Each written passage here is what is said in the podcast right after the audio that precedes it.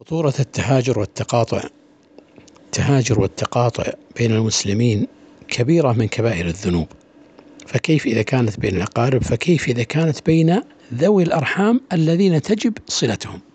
قال رسول الله صلى الله عليه وسلم لا يحل لمسلم أن يصارم مسلما فوق ثلاث أن يقاطع يعني فإنهما ناكبان على الحق ما دام على صرامهما على التقاطع.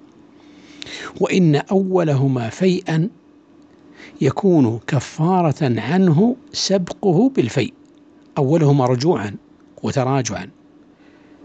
قال وإن مات على صرامهما على التقاطع التهاجر وإن مات على صرامهما لم يدخل الجنة جميعا أبدا. وإن سلم عليه يعني أحدهم سلم على الآخر وإن سلم عليه فأبى أن يقبل تسليمه وسلامه رد عليه الملك ورد على الآخر الشيطان.